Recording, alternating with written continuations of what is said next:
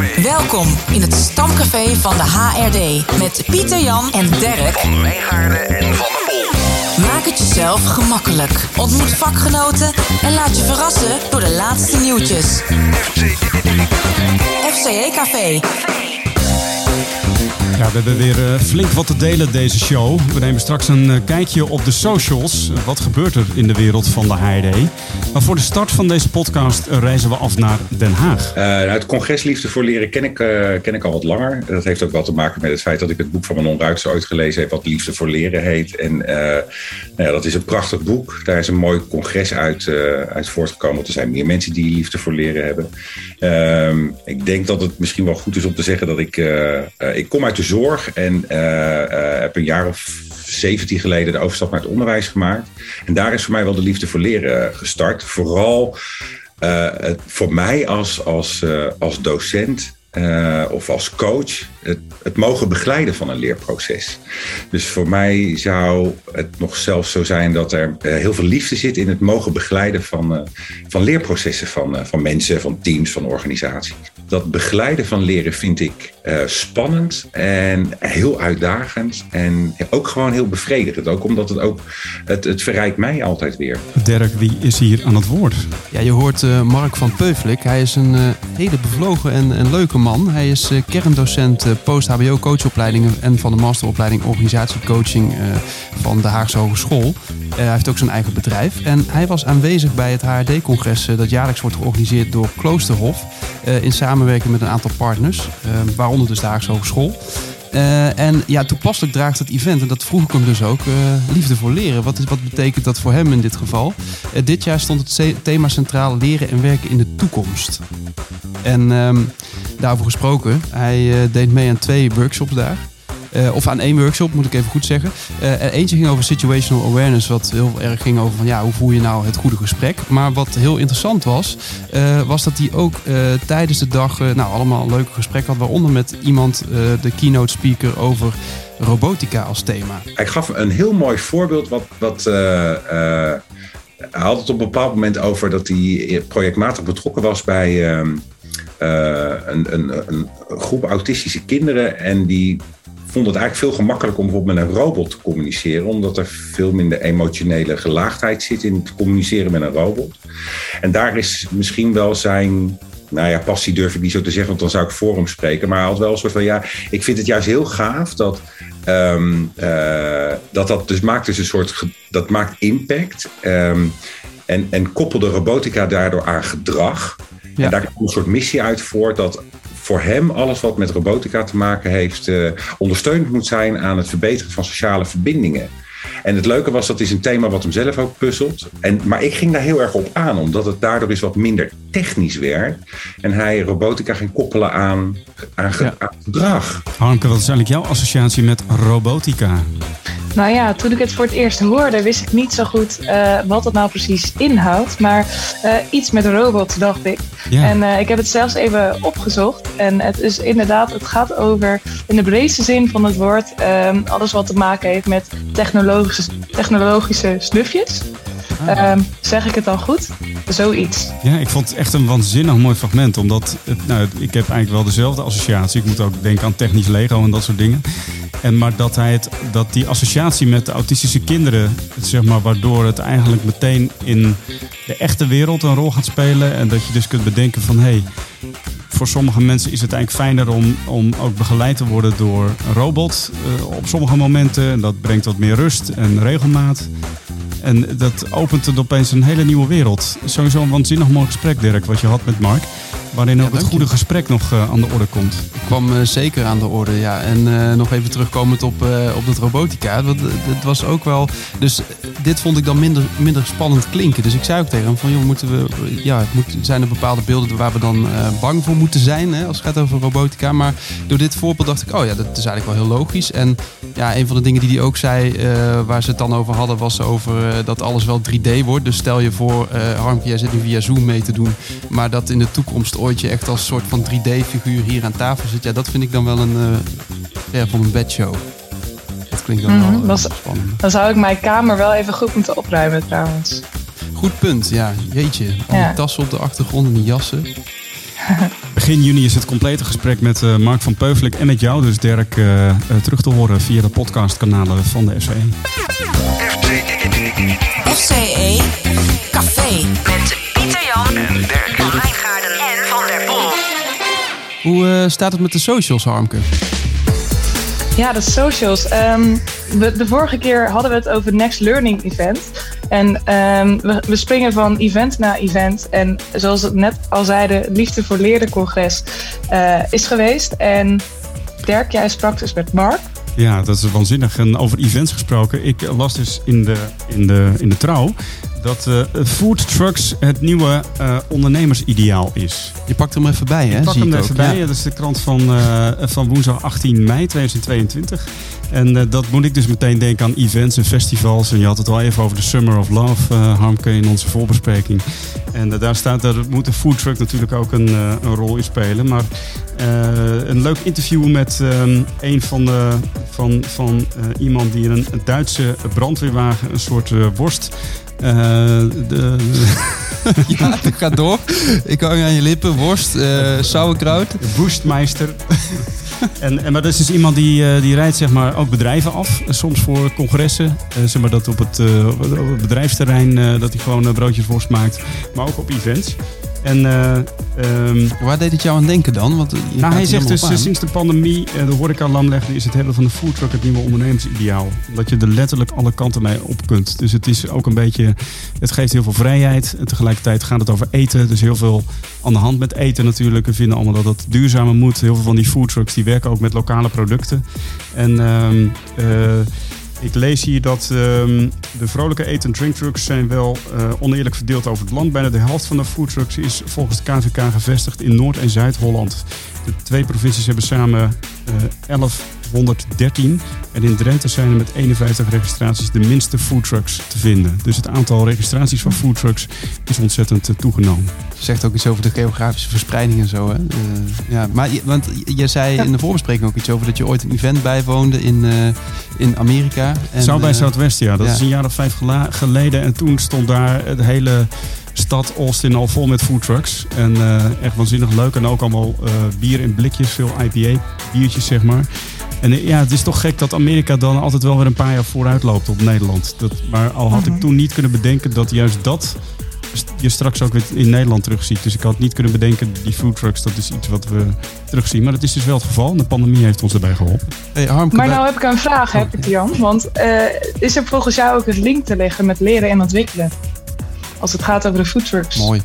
Nou, ik vind dat er sowieso een link te leggen is tussen ondernemen en leren en ontwikkelen. Dus ik vind ondernemen zeg maar, echt een, een soort uh, een mooie metafoor van je eigen leerpad uitzetten. En ik kan me ook voorstellen dat het moment dat je een foodtruck start, dan roept dat allerlei vragen op waar je ook weer achter moet komen. Niet alleen hoe ga ik mijn eh, voedsel bereiden, maar ook uh, hoe ga ik mijn foodtruck ombouwen. Of zo'n oude Duitse brandweerwagen, hoe kan ik die op zo'n manier ombouwen dat, dat we daar ook foodtruck van kunnen maken. Dus ja, ik zie zelf het ondernemen toch een beetje als het nieuwe leren.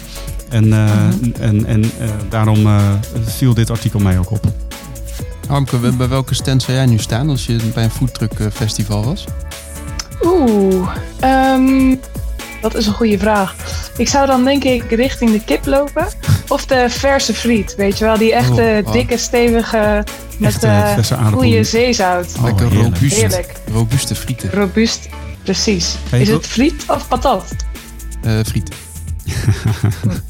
Ik wil wel overigens nog aandacht vragen voor, uh, voor een nieuw soort event, namelijk de FCE-proeverijen. Die worden in de week van 6 juni gepland. Ja, nou het idee van de proeverij is dat je een beetje kunt proeven aan uh, de leergang, waarvan je misschien denkt, uh, of activiteit waarvan je denkt, daar wil ik wel aan deelnemen. Maar ik, ik ben toch een beetje nieuwsgierig van wie zijn er nog meer geïnteresseerd? Uh, wie zijn de begeleiders? Uh, wat gaan we nou precies doen? Dus mensen die een beetje willen proeven, die, uh, die kunnen zich aanmelden. En daar dus eigenlijk kennis maken met de leergang of de activiteit waar je in, je geïnteresseerd bent. En we noemen het een proeverij omdat we ook iets gaan doen. Dus je gaat ook wat ervaren. Je hoorde Theo Visser, een van de directieleden van de FCE, en die legt uit waarom we proeverijen introduceren en uh, welke proeverijen je kunt uh, volgen. En een van de proeverijen eh, die gaat over persoonlijk vakmanschap in ontwikkeling. En die wordt verzorgd door onze Belgische collega's Sophie Hendricks en Chris Snik. En die nemen je mee op een hele bijzondere en leerrijke reis van negen maanden. Waar het vooral ook gaat over jouw essentie als begeleider. En de opleiding is vrij holistisch opgezet. Dus kijken ook gewoon naar ja, vooral wie jij bent als persoon. En ze maken jou als persoon ook sterker. Dus dat, vandaar ook de titel persoonlijk vakmanschap in ontwikkeling. Uh, en daarnaast krijg je ook nog allerlei theorieën, modellen die meer gaan over ontwikkeling en die je daarbij helpen. Maar zij zeggen vooral dat jij als persoon daar de spilling bent. Het hele interview dat ik had met Theo Visser over de FCE-proeverijen is overigens terug te luisteren via onze website. En alle proeverijen komen daarin aan bod. Zodat als je dat luistert kun je de juiste keuze maken. Neem voor meer informatie een kijkje op de website www.corporate-education.com. Ja, en um, ik zag op LinkedIn toen ik aan het kijken was naar uh, de headlines, uh, zag ik via mijn oude werkgever de Academy voorbij komen, een nieuwtje. Toen was ik aan het denken, en misschien dat jij hem kunt beantwoorden, Pieter Jan. Is dit eigenlijk iets wat uh, de laatste jaren steeds meer wordt? Is het iets van alle tijden? En dan heb ik het over de Corporate Academies. De Corporate Academies. Nou, ik kan me herinneren dat op het moment dat ik studeerde, dat is, was eind jaren 90, toen studeerde, ik toegepaste onderwijskunde. En toen had je de, de, de Nederlandse Vereniging van Corporate Universities. Dus toen bestonden er ook al Corporate Academies en Corporate Universities. En um, uh, dus uh, wat mij betreft ja, is het niet iets nieuws. Ik heb wel het idee dat het inderdaad, ik zie het ook wel bij mijn opdrachtgevers, dat er steeds meer toch weer in academies gedacht worden.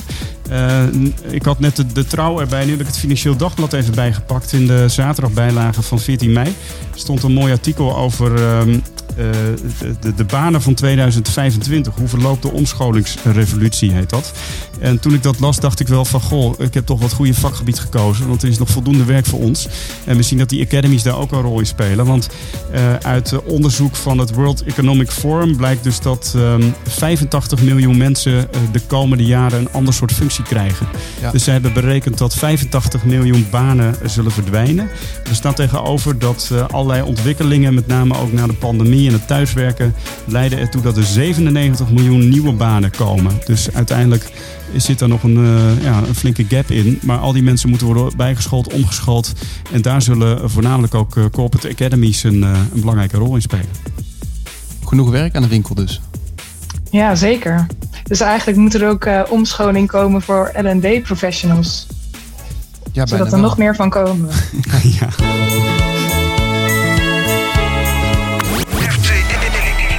FCE Café met Pieter Jan en Dirk van Wijngaarden en Van der Pol.